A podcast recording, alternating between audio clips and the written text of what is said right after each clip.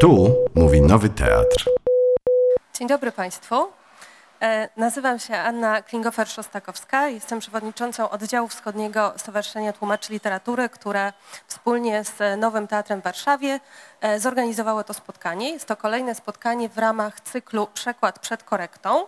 E, Dziś moim gościem jest Jakub Jedliński, tłumacz z języku francuskiego, angielskiego, autor kilkudziesięciu przekładów beletrystyki i non-fiction. E, Finalista nagrody e, imienia Ryszarda Kapuścińskiego. E, Jakub również należy do Stowarzyszenia Tłumaczy Literatury. I dziś Jakub przeczyta fragmenty książki Pod białym niebem autorstwa Elizabeth Colbert, która się wkrótce, ta, ta książka ukaże się wkrótce, jest stąd przekład przed korektą. Elizabeth Colbert jest dziennikarką The New Yorkera oraz autorką książki Szóste Wymieranie, historia nienaturalna, która w 2015 roku otrzymała nagrodę Pulitzera w kategorii literatury faktu. W Polsce książka ta ukazała się nakładem wydawnictwa WAB w przekładzie Tatiany i Piotra Grzegorzewskich. Em, Powiem przy okazji, że trwa teraz e, promocyjna przedsprzedaż e, pod białym niebem, więc e, zachęcam do zerknięcia na stronę wydawnictwa Filtry.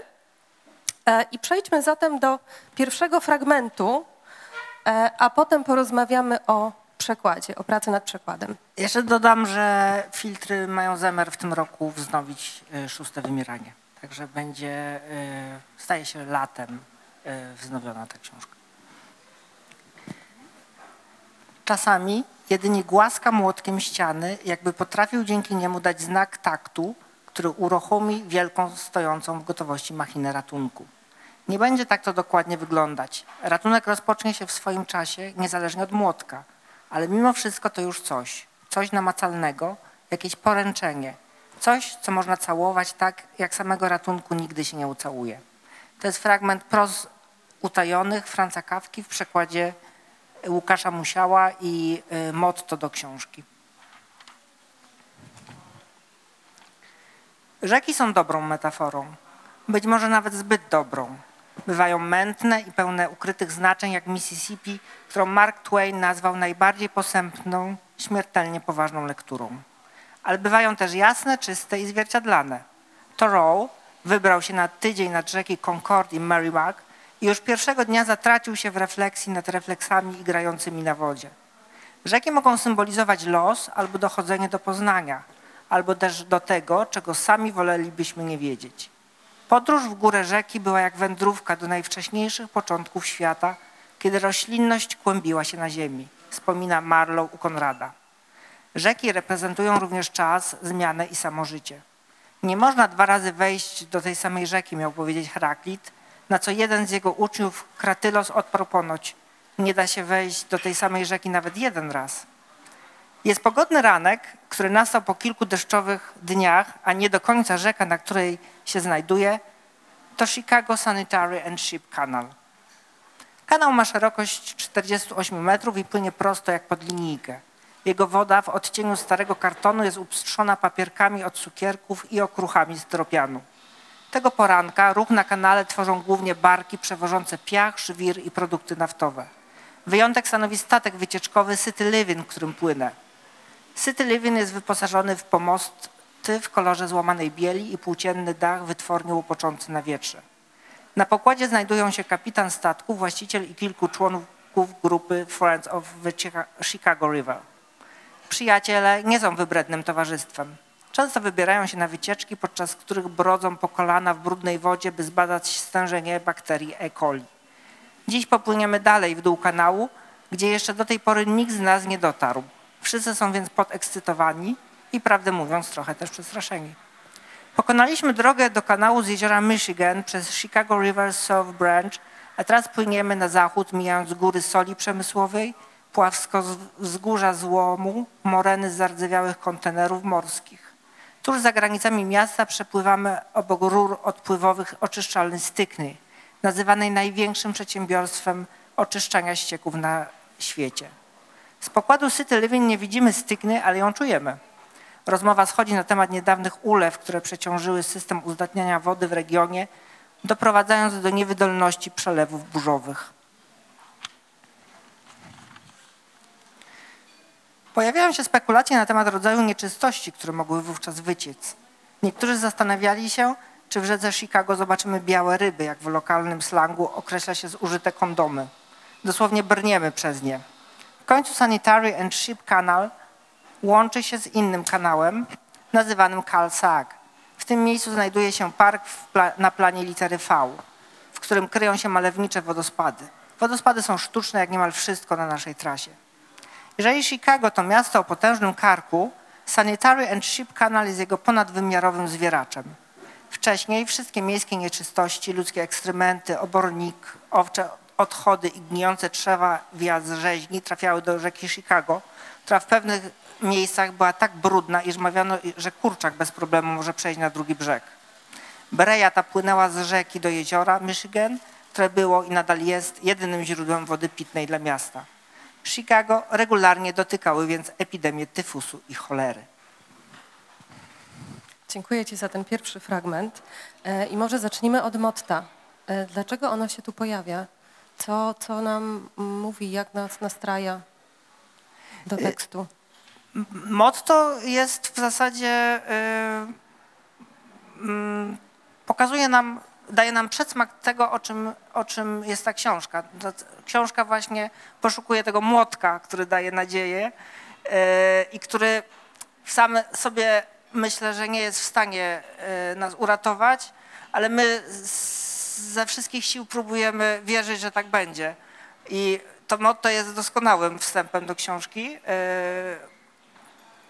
całe szczęście, że sprawdziłem to motto zanim prze- przetłumaczyłem e, e, całość e, na samym początku, bo e, w bardzo wielu wie- miejscach ono mnie poprowadziło.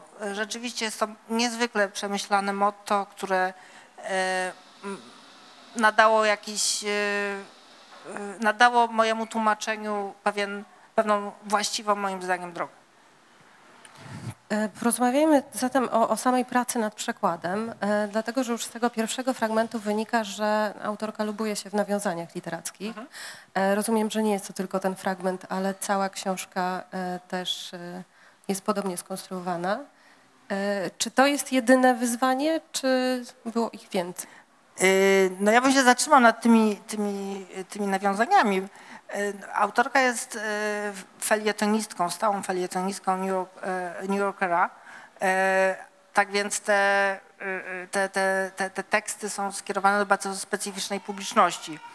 I rzeczywiście w tej książce roi się od nawiązań mniej lub bardziej wprost literackich, często ukrytych, często nie oczywistych, e, często przetworzonych w taki sposób, em, że nie jest to cytat wprost wzięty z książki, ale jest nawiązanie e, jakieś em, Tu mniej lub bardziej luźne. Mhm, tu pytanie warsztatowe. Czy e, w takiej sytuacji starałeś się czytelnikom przybliżyć i, nie wiem, opatrywałeś to przypisami, czy pozostawiasz to e, wiedzy czytelnika?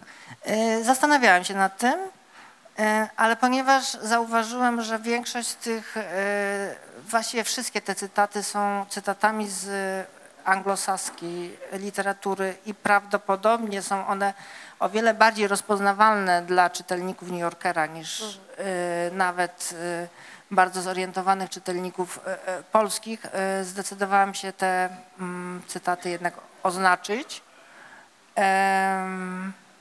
A poza tym, e, e, no też dlatego, że one są luźne, to znaczy często one nawiązują do cytatu, ale nie są takim cytatem wprost przepisanym, więc, więc zdecydowaliśmy z, redakcją, że jednak te mm, miejsca oznaczymy. E, Czy coś jeszcze było specyficzne dla pracy nad tym przykładem? Bo jednak to jest non-fiction, to jest reportaż, ale autorka posługuje się bardzo specyficznym językiem. Bardzo literackim, Tak. to prawda. Y, I tu rzeczywiście były takie wyzwania, jak na przykład y, duże. Wiele było takich mm, ze sobą skonfrontowanych stylów. Był styl wysoki i styl niski. Często autorka się na przykład posiłkuje poezją Johna Dona, czyli bardzo, bardzo wysoką literaturą, a za chwilę używa jakichś potoczyz, potocyzmów y, czy, czy powiedzonek y, y, takich bardzo powszechnych. Także to wydaje mi się było, było jednym z wyzwań.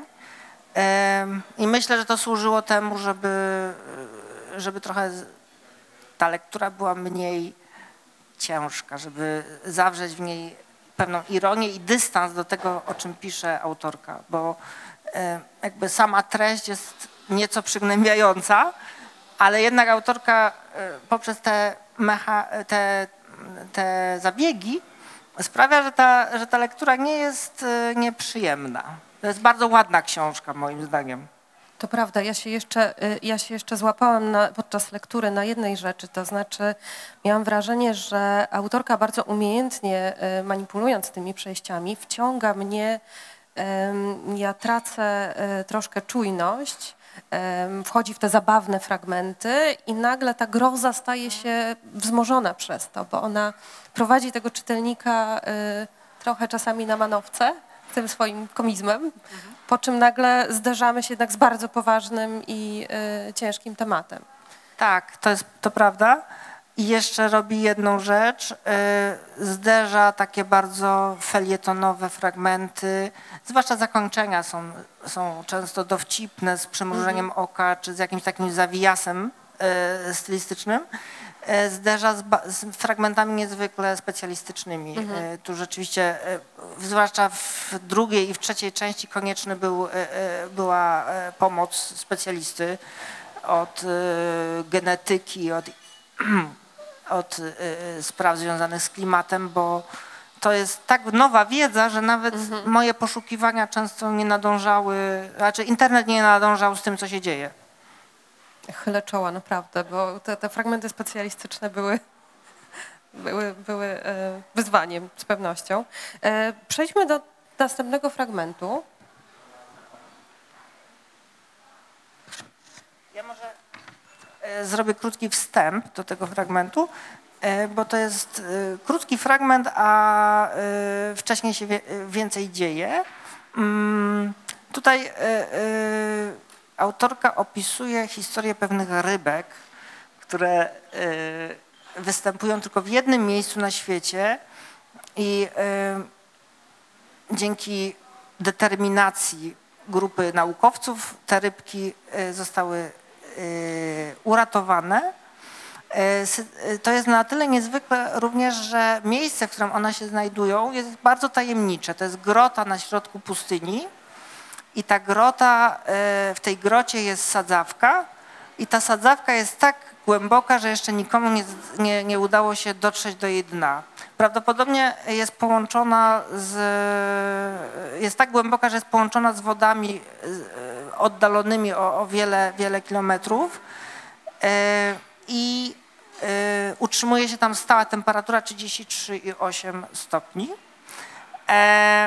I co zrobili Amerykanie? Ponieważ tych rybek tam jest tylko sto kilkadziesiąt, około stu kil, kilkudziesięciu, postanowili zrobić e, imitację tej, tej groty, czyli grota, która ma identyczny kształt i przy pomocy bardzo wielu zabiegów technicznych i y, utrzymywane są identyczne warunki, również y, jeśli chodzi o temperaturę, zacienienie i tak. Więc jest grota prawdziwa i grota, którą autorka nazywa simulacrum y, y, tej Devil's Hall. I to jest właśnie fragment dotyczący tej sztucznej groty. Wewnątrz, wzdłuż ścian biegły stalowe dźwigary, plastikowe rury i przewody elektryczne. Ścieżka z lanego betonu obiegła niewielką, również betonową sadzawkę. Miejsce to było mniej więcej równie malownicze jak fabryczna podłoga. Przypominało składowisko wypalonego paliwa jądrowego, które widziałam przy okazji wizyty w elektrowni atomowej. Imitację groty zaprojektowano, by mamiła nieszczęsne rybie oczy, nie moje.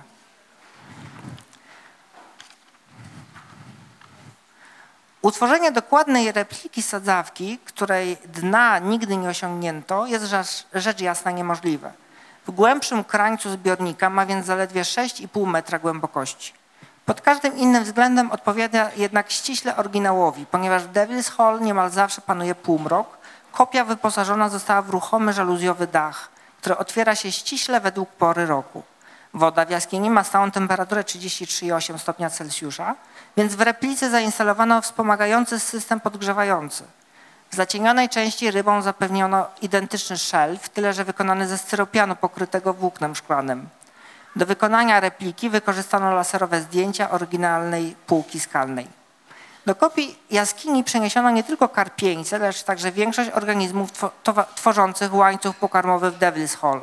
Na steropianowym nad steropianowym szelfem unoszą się takie same jaskrawo-zielone glony, jakie porastają wapienny oryginał. W wodzie pływają takie same gatunki maleńkich bezkręgowców, ślimaki z rodziny tryonia, takie same maleńkie skorupiaki, widłonogi i małżoraczki oraz kilka gatunków żuków. Muszę cię zapytać, dlaczego ten fragment? Yy, dlatego ten fragment, yy, że yy, tutaj yy, objawiła się ta ironia autorki, o, którym, o której wspominałem. Ona yy, yy, porównuje, yy, porównuje yy, tę, tę, tę jaskinię do czegoś bardzo nieatrakcyjnego, jak składowisko odpadów atomowych i podłoga yy, lotniskowa, prawda?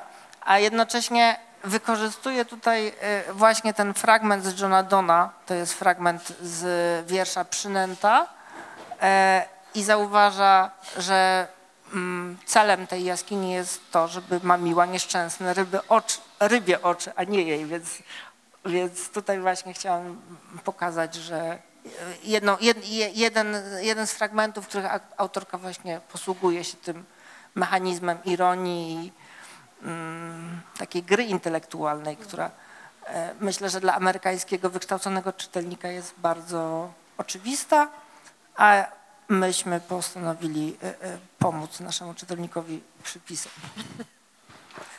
Chwalebne. E, Wiesz, pomyślałam przy tym fragmencie, gdy słuchałam tego fragmentu, pomyślałam o takim wywiadzie, który oglądałam z Colbert, którego udzieliła dla Rolling Stone i opowiadała w nim o tym, jak, jak w ogóle wpadła na pomysł napisania tej książki. Oczywiście tam częściowo niby to jest sequel, sam mówiłeś, że to jest odrębny tekst jednak. Nie do końca, mam wrażenie, że recenzenci tutaj troszeczkę Chyba to odrębny zupełnie tak, tekst, tak. też mi się tak wydaje. Natomiast ona opowiadała o jakiejś wyprawie na e, Hawaje, gdzie, e, gdzie prowadzono e, badania mm, nad em, koralowcami, które można byłoby przystosować do nowych warunków, które byłyby odporne. I mam wrażenie, że, że, że ten fragment jest jakby kolejnym takim tworzeniem świata, który nie jest prawdziwym ocaleniem. Y, No tak, y, tutaj właściwie takiego fragmentu nie wybrałem, ale jest to jedna z tez y, Colbert, właściwie jedna z części tej książki nazywa się Wildness, czyli w tłumaczeniu u nas dzikość. I tutaj w tych tytułach części również się pojawia ironia, ponieważ żaden z tytułów y, nie jest, nie odpowiada wprost temu, o czym czytamy. Y, y, Kiedy tłumaczyłem i tłumaczyłem najpierw tytuł, to potem się okazywało, że muszę go A zmieniać, możesz coś albo więcej jest on... powiedzieć o tych trzech e, tytułach? E, Części? Pierwszy, ty, e, pierwszy tytuł e, e, w, nasz, w moim tłumaczeniu jest e, z nurtem rzeki i e, tutaj nie opowiadamy e, o całej tej części, żeby trochę zostawić suspensu, ale no jest ten nurt e, co najmniej nieoczywisty tej rzeki, o której, o której ona pisze. Druga część nazywa się w tłumaczeniu dzi, dzikość i właściwie opowiada o tym, że dzikości już nie ma i o tym ciekawe wprowadziła autorka mm, określenie gatunków sztokholmskich. E, To są gatunki przez analogię do ofiar sztokholmskich, gatunki, które są uzależnione tak bardzo od człowieka, na przykład te karpieńce, te rybki, o których czytałem, e, że bez pomocy człowieka nie są w stanie przetrwać, no a jednocześnie to człowiek jest y, winny temu, że znalazły się w takiej sytuacji, że potrzebują wsparcia, że tak powiem. E, I trzecia część nazywa się po polsku w zawieszeniu. I z, tą, z tym tytułem miałem najwięcej problemu, e, bo angielski tytuł jest in the air, czyli dosłownie możemy przetłumaczyć to w powietrzu, ale też jest to, e, jest to idiom, który oznacza jakąś niepewność. No i dlatego zdecydowałam się, że ta część będzie nazywać się w zawieszeniu. E, Jest to najbardziej e, katastroficzna część e, i mm, no rzeczywiście pokazuje, że jesteśmy w zawieszeniu między byciem a niebyciem. O tym jeszcze będziemy mówić, bo przeczytasz e, całkiem spory fragment tej części. Ja się już nie mogę doczekać. Muszę się łapać na tym, żeby e, nie zdradzić za wiele, bo chciałabym cię zapytać o wiele rzeczy, o które nie mogę. E, To przejdźmy do, do tego trzeciego fragmentu, który przygotowałeś. To jest pierwszej części fragment, prawda? Tak. Z nurtem rzeki. Mhm. Znów e, tak. To jest fragment. Dobrze, to najpierw przeczytam, a potem będziemy opowiadać. Oczywiście w Azji ludzie od wieków ze smakiem jadają te gatunki.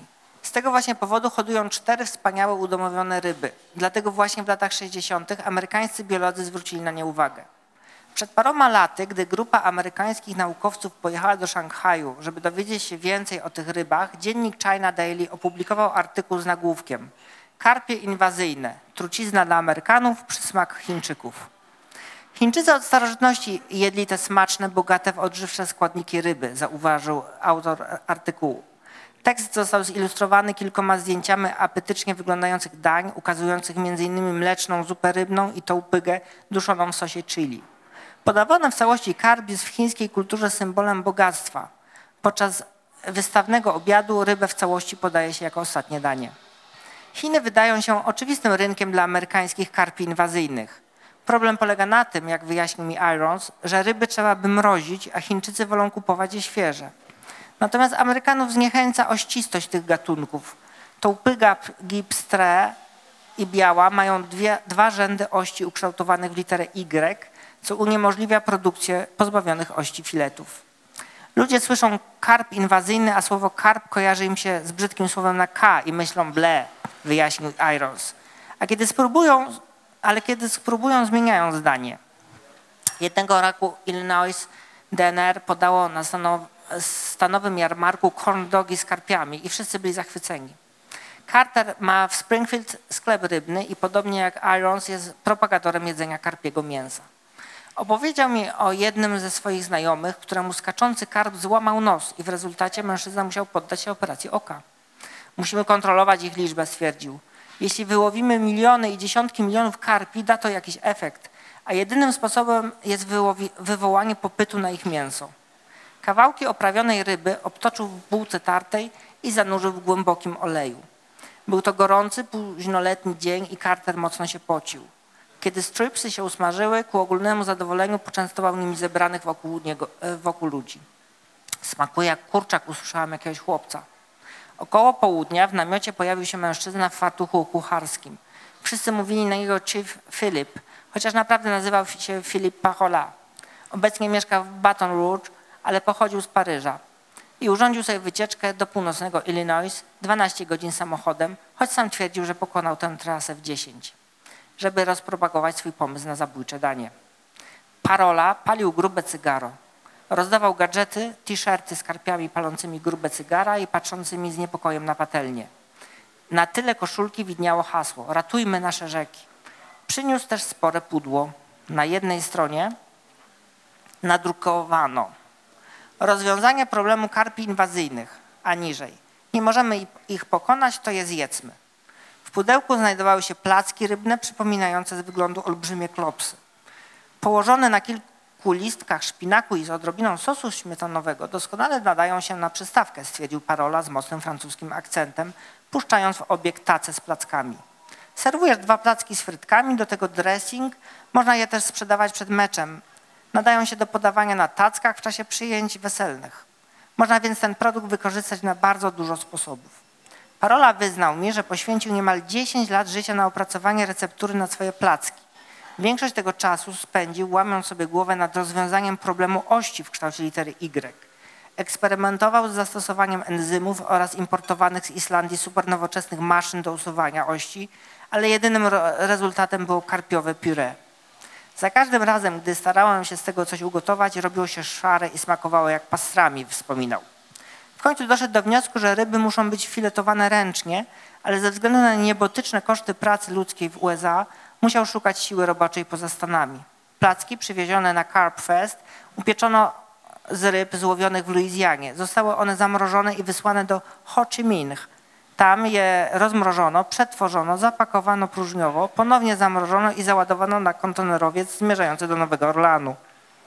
W ramach ustępstw wobec uprzedzeń Amerykanów zmieniono ich nazwę na Silverfin, co stało się nazwą handlową produktu. Trudno powiedzieć, ile dokładnie kilometrów Silverfin paroli przemierzył od chwili wyklucia się z ikry do przetworzenia w przekąskę, ale można szacować, że co najmniej 30 tysięcy. A wliczenia te nie obejmują podróży ich przodków do Stanów. Czy rzeczywiście jest to rozwiązanie problemu karp inwazyjnych? Mam co do tego wiele wątpliwości. A jednak, kiedy placki do mnie doszły, sięgnęłam po dwa. Rzeczywiście, były całkiem smaczne. Dziękuję Ci bardzo. Y, Drodzy czytelnicy, to nie jest książka o rybach. To jest książka o ludzkiej arogancji chyba przede wszystkim. Tak czuję jako czytelniczka. Tak, tak.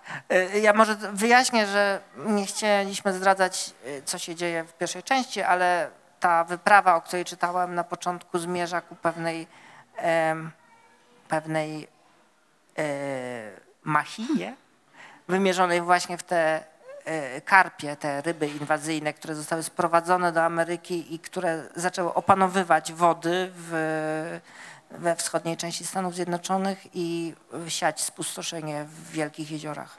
Mam nadzieję, że nie zdradzę za dużo, ale y, one zostały sprowadzone do biokontroli, dlatego że próbowano uniknąć bardziej radykalnych środków. Stały się tym gatunkiem inwazyjnym. To są cztery różne ryby, prawda? To nie jest ten karp inwazyjny, to są cztery różne tak naprawdę gatunki. Dwa rodzaje amuru i dwa rodzaje amurów i dwa rodzaje tołpyk.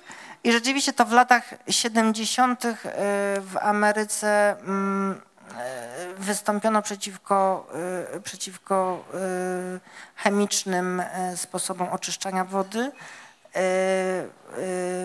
Na tej fali sprowadzono te ryby, które rzeczywiście są wszystkożerne i miały e, pełnić rolę, pełnić funkcję e, oczyszczarek wód amerykańskich.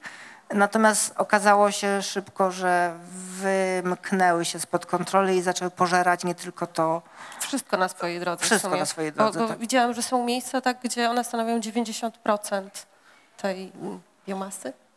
E, tak. Tak.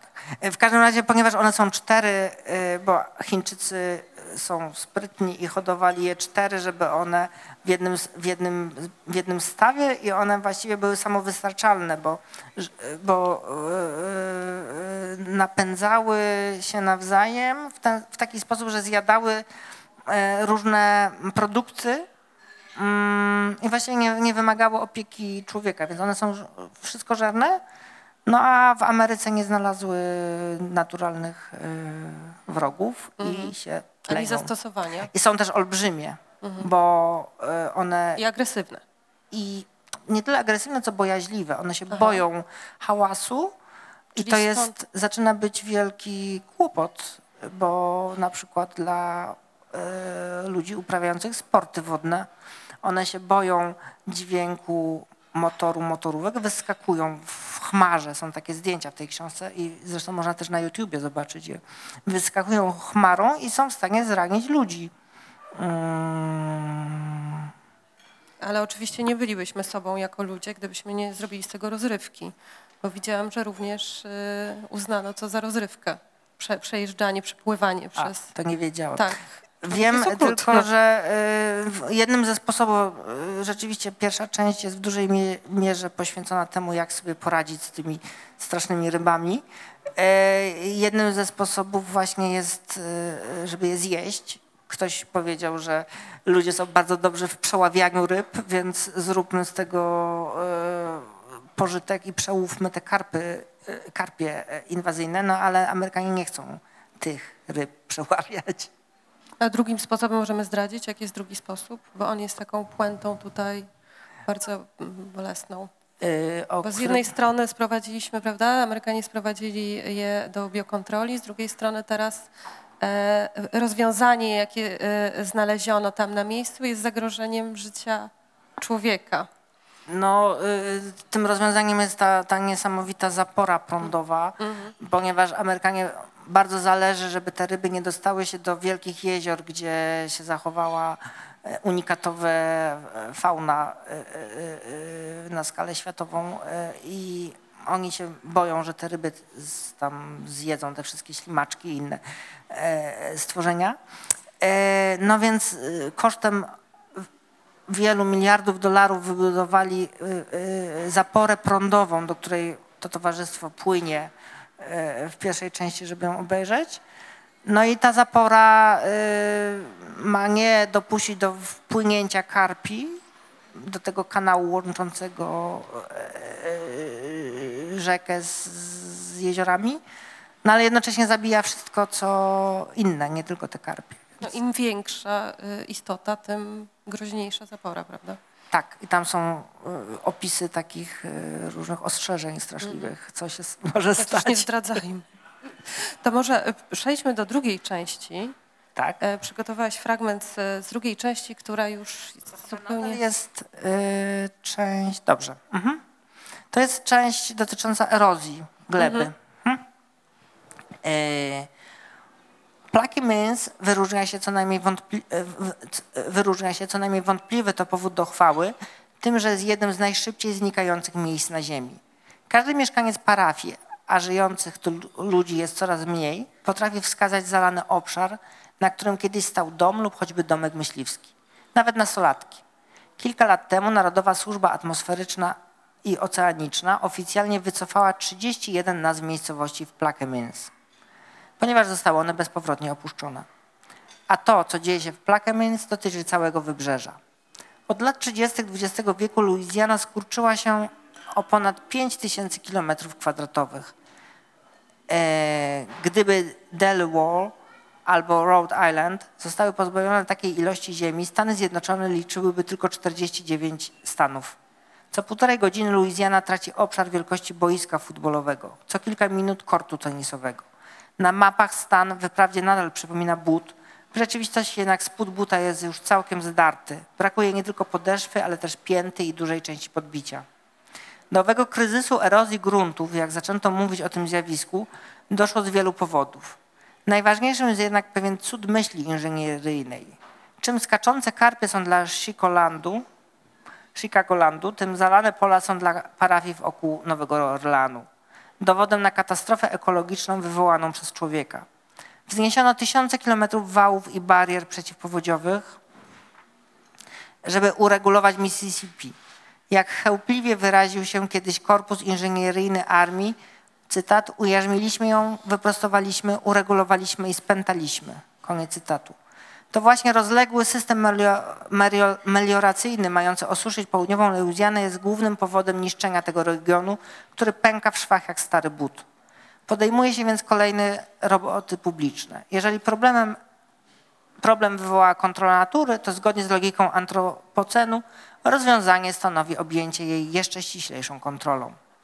Zacznij kopać w Plaquemines albo w innym miejscu w południowej Luizjanie, a natkniesz się na torfiste błoto. Konsystencja gleby w tym regionie porównywana jest do ciepłej galaretki gel o. Wkrótce dołek wypełni się wodą. W tych warunkach trudno trzymać pod ziemią takie rzeczy jak trumny i dlatego zmarłych w Nowym Orleanie grzebie się w murowanych grobowcach. Jeśli będziesz kopał dalej, w końcu dotrzesz, dotrzesz do warstwy piachu i gliny. Jeśli nie przerwiesz pracy, dotrzesz do kolejnych pokładów piasku i gliny i będzie się to powtarzać przez setki, a w niektórych miejscach tysiące metrów. Z wyjątkiem tych miejsc, gdzie piach i glinę wybrano do wzniesienia wałów powodziowych i wzmocnienia dróg w południowej Luizjanie, nie ma złóż kamienia. Warstwy piachu i gliny poniekąd też są ważne. Mississippi przez miliony lat płynęła po, swoim, e, po swojemu, cały czas u swego rozszerzającego się końca nanosząc ogromne ilości osadów. W czasie zakupu Lu- Luizjany około 400 milionów ton rocznie. Nie za wiele ja wiem o bogach, lecz wierzyć wierzę, iż wielkim brunatnym bogiem jest rzeka, napisał T.S. Eliot. Zawsze, gdy rzeka występowała z koryta, czasem robiła to niemal każdej wiosny, nanosiła osady na równinę. Rok w rok, warstwa za warstwą, glina, piach i muł tworzyły kolejne pokłady. W ten sposób wielki Bóg z drobin i okruchów Illinois i Iowa, i Minnesoty, i Missouri, i Arkansas, i Kentucky stworzył wybrzeże Luizjany. Osad z wylewającej Mississippi pozostawał w nieustannym ruchu. Gromadzące się warstwy osadu zwalniały nurt, rzeka szukała więc szybszej drogi do oceanu. Najbardziej radykalne zmiany koryta nazywa się awulsjami. W ciągu ostatnich 7 tysięcy lat rzeka dokonała sześciu awulsji i za każdym razem postawiła, pozostawiła po sobie nową wyżynę. Parafia La Fours znajduje się na obszarze terasy powstałej w czasach Karola Wielkiego. Zachodnia część parafii Terrebonne pojawiła się w okresie dominacji Fenicjan. Nowy Orlean, parafia Saint Bernard, zajmuje tarasę naniesioną mniej więcej w czasie wzniesienia piramid. Wiele jeszcze starszych teras zalała woda. Stożek napływowy Mississippi, olbrzymie złoża osadów nagromadzonych w epoce lodowcowej, leży obecnie pod wodami zatoki i zajmuje obszar większy niż cały stan Louisiana, a w niektórych miejscach osiąga wysokość 300 metrów. Parafa Plaquemines powstała w ten sam sposób. Według standardów geo- geologicznych jest najmłodszym dzieckiem w rodzinie. Propozycje, aby część miasta oddać wodzie, wisiały w powietrzu. To jest, e, propozycje te pojawiły się po mm, huraganie Kateryna. E, były wręcz takie pomysły, żeby w ogóle porzucić Nowy Orlean. No i tutaj jest, e, jest mm, komentarz do tego, co się działo mm, w związku z właśnie z erozją gleb w tej części Stanów Zjednoczonych. Propozycje, aby część miasta oddać wodzie, wisiały w powietrzu, a następnie zostały kolejno odrzucone. Wycofanie się miałoby sens geograficzny, ale ze względów politycznych pomysł ten był skazany na niepowodzenie.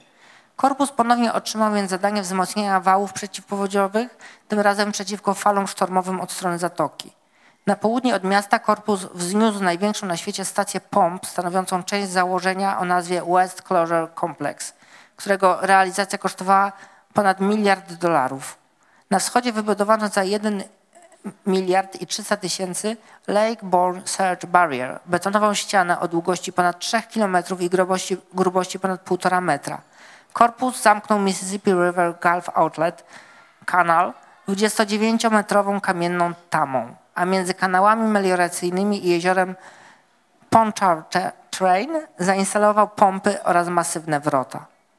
Pompy u wylotu 17, y, 17 ulicy Canal albo 17th Street Canal są w stanie przepompować 1100, y, 1100 metrów kwadratowych wody na sekundę, co przekłada się na przepływ większy niż w Tybrze. Tym gigantycznym założeniem udało się powstrzymać wodę podczas kilku ostatnich huraganów i Nowy Orlean może sprawiać wrażenie znacznie lepiej chronionego niż przed uderzeniem Katriny. Jednakże to, co na pierwszy rzut oka wygląda jak system obronny, przy uważnym spojrzeniu jawi się jako pułapka.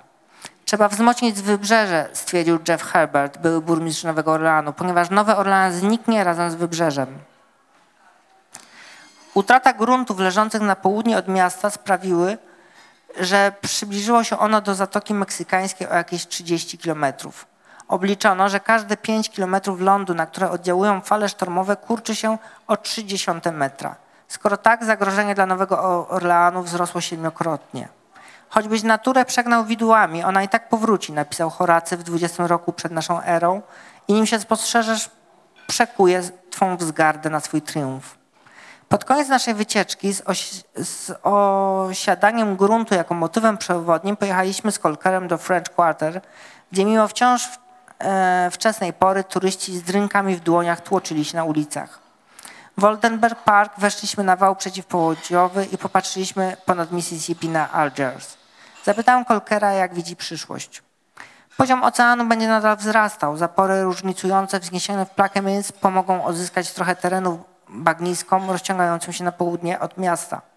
Podobnie jak e, bardziej konwencjonalne programy bagrownicze w rodzaju B, BA-39. Uważam jednak, że tereny, które nie są ko- rekonstruowane, będą coraz częściej padały ofiarą powodzi. Mokradeł będzie stale ubywać. Miasto niegdyś nazywane Ile de la Nouvelle Orléans będzie w najbliższych latach coraz bardziej przypominać wyspę, prognozował Kolker. E, Dziękuję Ci bardzo. E, Chciałam Cię zapytać, zanim przejdę do bardziej ogólnych rzeczy, e, czy mógłbyś jeszcze wspomnieć o kosztach, o których autorka dalej pisze, bo jest to coś, co mnie zszokowało, to znaczy to są tak jednorazowe.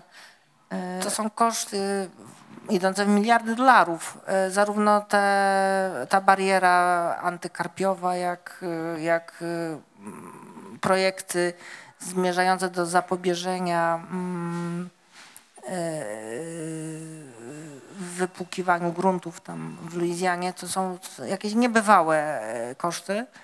E, Zresztą wszystkie te projekty, o których ona pisze, są tak, tak niesamowicie e, e, kosztowne, że to się właściwie nie A zarazem są to rozwiązania tymczasowe. To są rozwiązania tymczasowe i tutaj padło to stwierdzenie, że właściwie często, a przynajmniej w, w przypadku Luizjany, rozwiązaniem byłoby po prostu nic nie robienie, to znaczy pozwolenie, żeby Mississippi, tak jak przez wszystkie tysiące poprzednich lat, wylewała, nanosiła muł. Ale wiesz, E, tutaj, tutaj przepraszam, tak ci wejdę w słowo, ale e, jedno zdanie mnie zatrzymało podczas lektury. Nie jedno, ale to akurat w tym kontekście. E, O wiele łatwiej wyobrazić sobie kolejne zmiany na rzece, niż zmienić życie ludzi mieszkających w jej sąsiedztwie. Tak. Y, No tak, bo gdyby pozwolić, żeby ta rzeka zachowywała się w sposób naturalny, to by oznaczało, y, że część ludzi musiałoby opuścić swoje miejsca zamieszkania. y, Tu wchodzą kwestie polityczne. polityczne i no tak, ludzkie takie, no bo każdy, to, że trudno oczekiwać od ludzi, że dla dobra ludzkości się wyprowadzą ze swoich domów, prawda? Trochę to wygląda em, przykro, gdyby tak się miało zdarzyć dla nich, chociaż alternatywa jest jeszcze gorsza. E, Mam wrażenie, że. e, Znaczy, ja, ja, dobra, za- zachęcam do lektury, bo nie mogę powiedzieć za dużo, ale chętnie porozmawiam z tą jeszcze e, o tym fragmencie po. Natomiast teraz przejdziemy do części, która jest taka bardzo spektakularna. E, Do, do części w zawieszeniu. Tak, to była część, która mnie w, w, wprawiła w całkowite zdumienie. E, nigdy nie słyszałem e, o takich e, zabiegach, ani nawet o takiej nauce, która nazywa się geoinżynieria solarna. E, I jest to chyba przejaw największej pychy człowieka, jaki można sobie wyobrazić, ponieważ człowiek uznał, że nie chce niczego tracić, ale chciałby jeszcze e, przetrwać trochę czasu, więc czemu by nie miał w sposób sztuczny zmienić klimatu, nie, mm, nie rezygnując z niczego, co może robić. E, I ciekawe jest, nie wiem czy w tym fragmencie, nie pamiętam czy w tym fragmencie jest to napisane, że inspiracją do tego, do tego pomysłu jest wybuch wulkanu, ponieważ wybuchy wulkanów, wielkie wybuchy wulkanów powodują obniżenie temperatury, więc ludzie wpadli na pomysł, że mogliby e, działać tak jak wulkan i w ten sposób obniżyć, e, znaczy zatrzymać zmianę klimatyczną. Według osób zajmujących się geoinżynierią solarną, ilość energii docierającej do Ziemi mogłyby ograniczyć przynajmniej teoretycznie dowolne cząsteczki odbijające światło. Najlepszym materiałem prawdopodobnie byłyby diament, stwierdził Cage. Diamenty nie absorbują żadnej energii, a więc ich użycie zapewniłoby minimalne zmiany w dynamikach atmosferycznych. Sam diament jest minerałem w najwyższym stopniu nie- niereaktywnym. Ten pomysł jest drogi, ale nie martwi mnie to. Jeśli będziemy zmuszeni zrobić to na gigantyczną skalę, bo dzięki temu rozwiążemy gigantyczny problem, znajdziemy sposób, żeby to zrobić.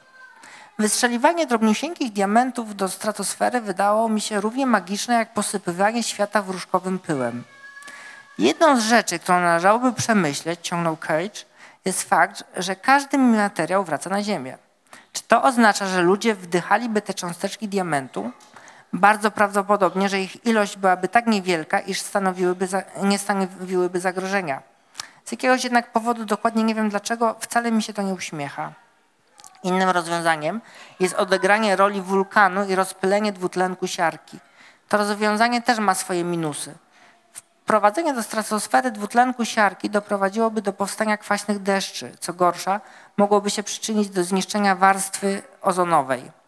W 1991 roku w efekcie wybuchu wulkanu Pintubo na Filipinach doszło do globalnego spadku temperatury o mniej więcej 17 stopni Celsjusza. Jednocześnie w strefach tropikalnych poziom ozonu w niższych warstwach at- stratosfery spadł aż o jedną trzecią. Choć to oswojone zło, marne to pocieszenie, stwierdził Cage. Cage jest najbardziej entuzjastycznie nastawiony do węglanu wapnia jako substancji, którą można wykorzystać do rozpylenia w atmosferze. W takiej czy innej formie związek ten jest wszechobecny. W rafach kolorowych, porach, bazaltu, mule pokrywającym dno oceanu. Jest głównym składnikiem wapienia powszechnej skały osadowej na Ziemi. Ogromne ilości wapiennego pyłu krążą po troposferze, zauważył Koich. Dlatego e, ta opcja mm, jest tak interesująca. Węglon wapnia ma niemal idealne właściwości optyczne, kontynuował. Rozpuszcza się w środowisku kwasowym. Mogę więc zapewnić, że nie będzie miał równie szkodliwego wpływu na warstwę ozonową jak dwutlenek siarki. Modelowanie matematyczne potwierdziło te zalety minerału, dodał Koich. Dopóki jednak ktoś nie wystrzeli węglanu wapnia do stratosfery, dopóty trudno stwierdzić, do jakiego stopnia te modele są wiarygodne. Nie ma innego sposobu, stwierdził.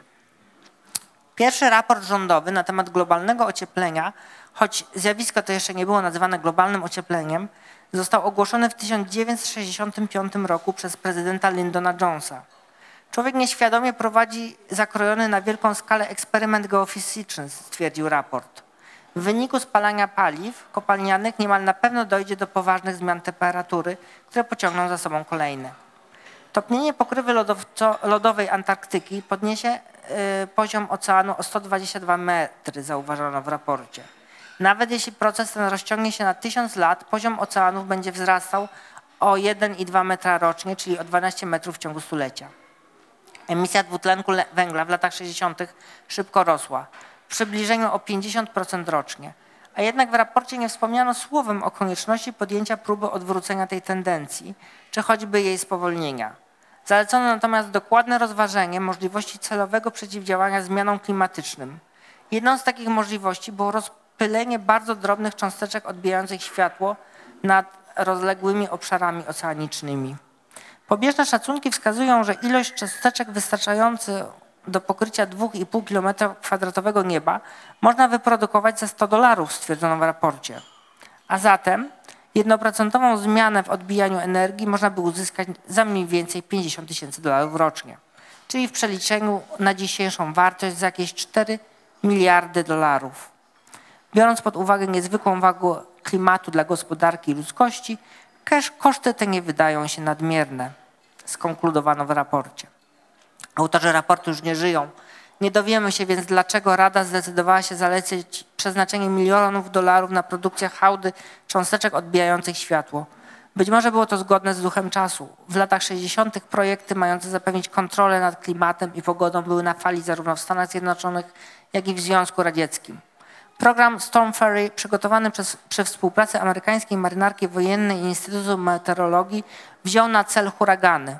Uznano, że można osłabić siłę ich uderzenia poprzez wysyłanie samolotów, które miały rozpylać jodek srebra wokół chmur otaczających oko cyklonu. Operacja Popeye, tajny projekt modyfikacji pogody wprowadzony przez amerykańskie wojska lotnicze w czasie wojny w Wietnamie, miał nasilić ulewne deszcze nad szlakiem Ho Chi Minha, również przez rozpylanie jodku srebra.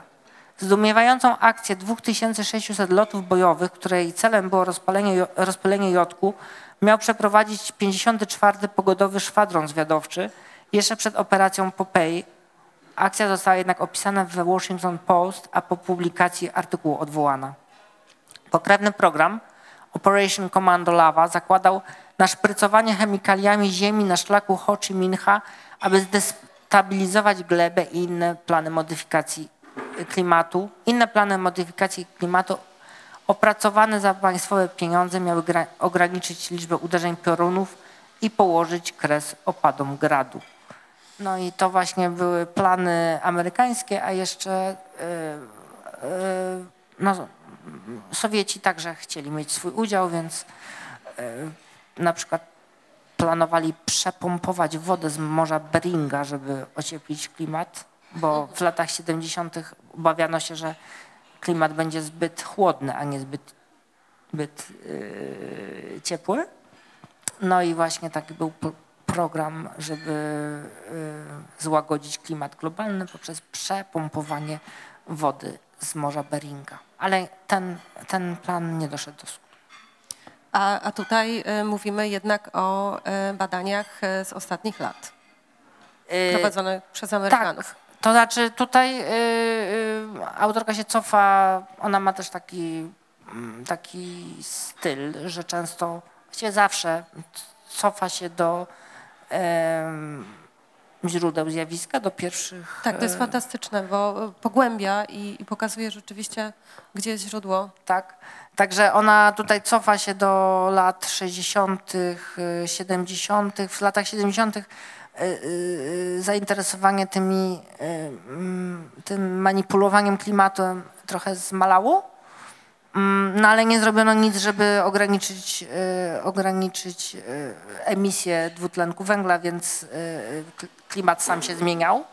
No i teraz wrócono do tych pomysłów, żeby powstrzymać zmiany klimatyczne poprzez jakąś ingerencję y, no, takiego typu, jak, jak, jak, jak, jak czytałem, czyli na przykład rozpylanie jakichś substancji w powietrzu i ograniczenie dostępu y, y, słońca do Ziemi. E, Podobało mi się, jak autorka, e, to akurat w wywiadzie powiedziała, że zapytana, dlaczego zdecydowała się w tym rozdziale na przedstawienie tych e, pomysłów na, e, na ratowanie sytuacji, e, przyrównała teraz e, los ludzkości do e, tego, że płyniemy potężnym tankowcem i nie bardzo możemy cokolwiek zrobić poza delikatnym spowolnieniem jego ruchu w kierunku, którym już płynie.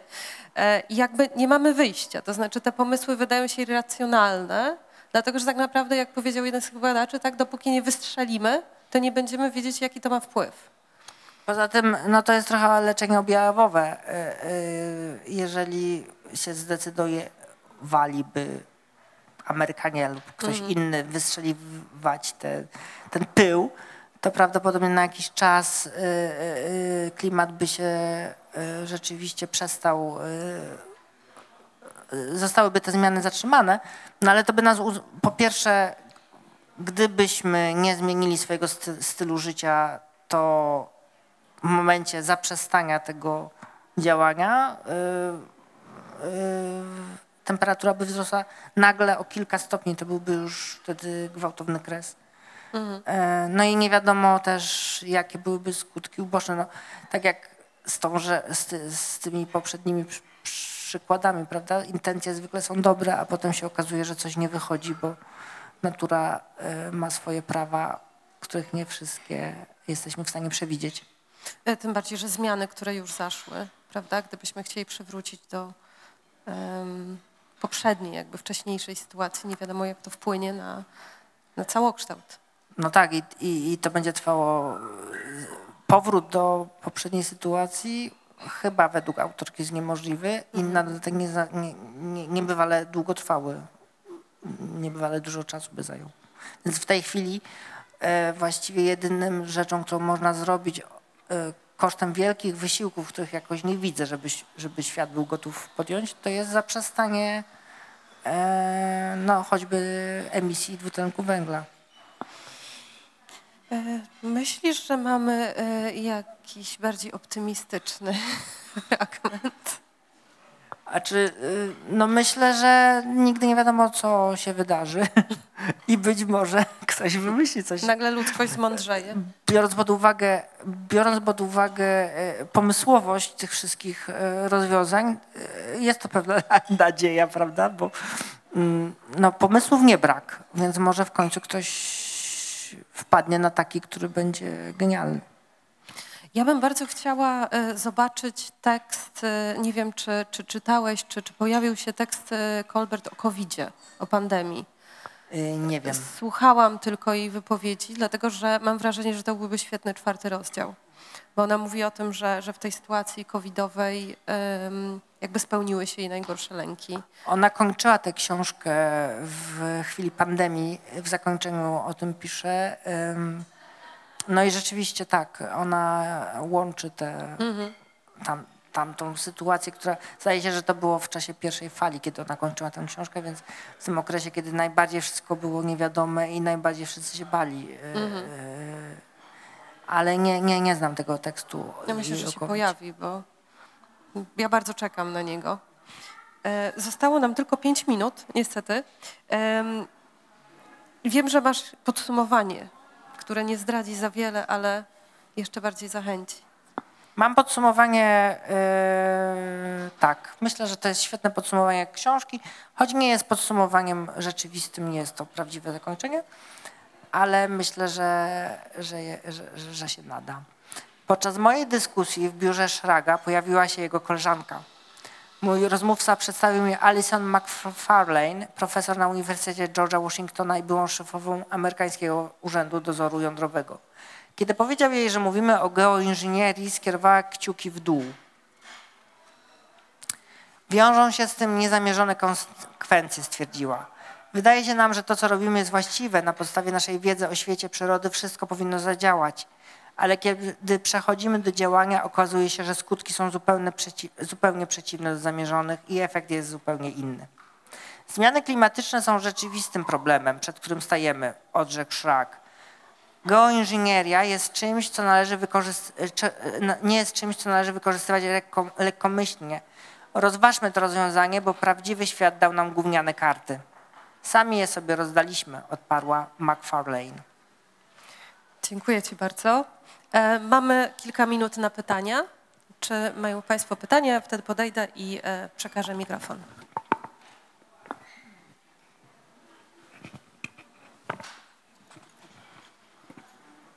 Dziękuję. Cześć, Jakub. E, Ja mam takie pytanie, trochę się spóźniłam, przepraszam, ale co było dla Ciebie takim największym zaskoczeniem przy tłumaczeniu, lekturze tej książki? Jakby coś, czy było coś, co Cię tak zszokowało faktycznie bardzo mocno? Na y, poziomie wiedzy to mnie szokował ten rozdział o geoinżynierii. Rzeczywiście y, był czymś dla mnie y, zaskakującym. A na poziomie y, formy, y, no y, styl autorki i to właśnie przeplatanie y, bardzo fachowej, takiej czasem nawet politechnicznej wiedzy z pięknym, piękną prozą i nawiązaniami y, literackimi. Czujesz się teraz specjalistą w tej dziedzinie? No takim małym specjalistą. Czuła się specjalistą tak przez dwa tygodnie od oddania książki.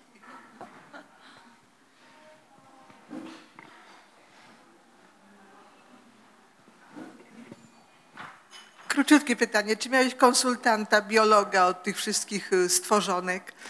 Miałem konsultanta genetyka, bo stworzonka to jeszcze jakoś byłem w stanie ogarnąć, natomiast genet tutaj y, akurat tych y, rozdziałów, tych fragmentów nie przedstawiałem, ale to, co się dzieje też w obecnej możliwości manipulacji genetycznych też są czymś niezwykłym, to, co można robić.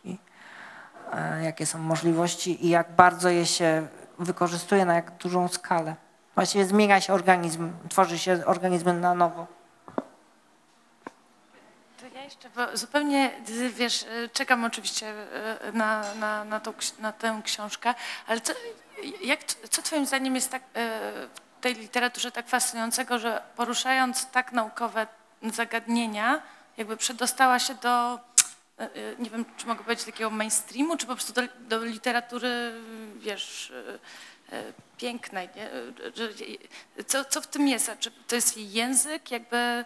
Co, Ja myślę, że, że po prostu Colbert jest świetną pisarką, bo ona no, pisze te, te, te głównie eseje i, i artykuły do e, New Yorkera e, i e, ma świetny warsztat pisarski, więc to jest naprawdę bardzo dobrze napisane w taki sposób, e, który przykuwa uwagę i mm, nie pozwala e, czytelnikowi się znużyć. I zawsze po dawce takiej technicznej, twardej wiedzy następuje jakiś mm, taki moment, który jest po prostu przyjemny w czytaniu, jest dowcipny, albo zaskakujący, albo intrygujący. Również, e, również na przykład e, cytowanie bardzo wierne postaci, z którymi ona rozmawia. To są postacie pewnie nietuzinkowe, skoro zajmują się takimi, takimi tematami, więc też w sposób nietuzinkowy się e, e, wyrażają, rozmawiają z nią i ona je, ich bardzo często cytuje w sposób taki wprost. Nie omawia, tylko przytacza ich słowa.